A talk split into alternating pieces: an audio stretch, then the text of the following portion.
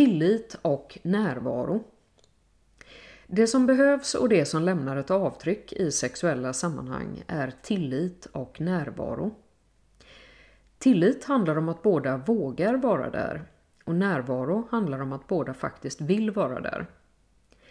Det är det du minns betydligt längre än 22 cm kuk. Det är det som gör att du vågar språnget att slappna av och vara öppen gentemot din partner. Så snart något av det här faller bort sluter vi oss och masken åker på. Det är då vi låtsas vara någon vi inte är eller bara vill fly. I par har aktörerna förhoppningsvis ett kontrakt som gör att de har en anledning att vara framför kameran. Men som jag nämnt tidigare så är inte ens det fallet ibland. Ingen tillit alls. De är fysiskt närvarande men känslomässigt vill de flesta inte vara där alls. Har de råkat ut för övergrepp under sin uppväxt kan det tyvärr också vara ett självskadebeteende. Hur skulle någon tillit ens kunna existera i det läget? Sex och porr har helt olika spelregler.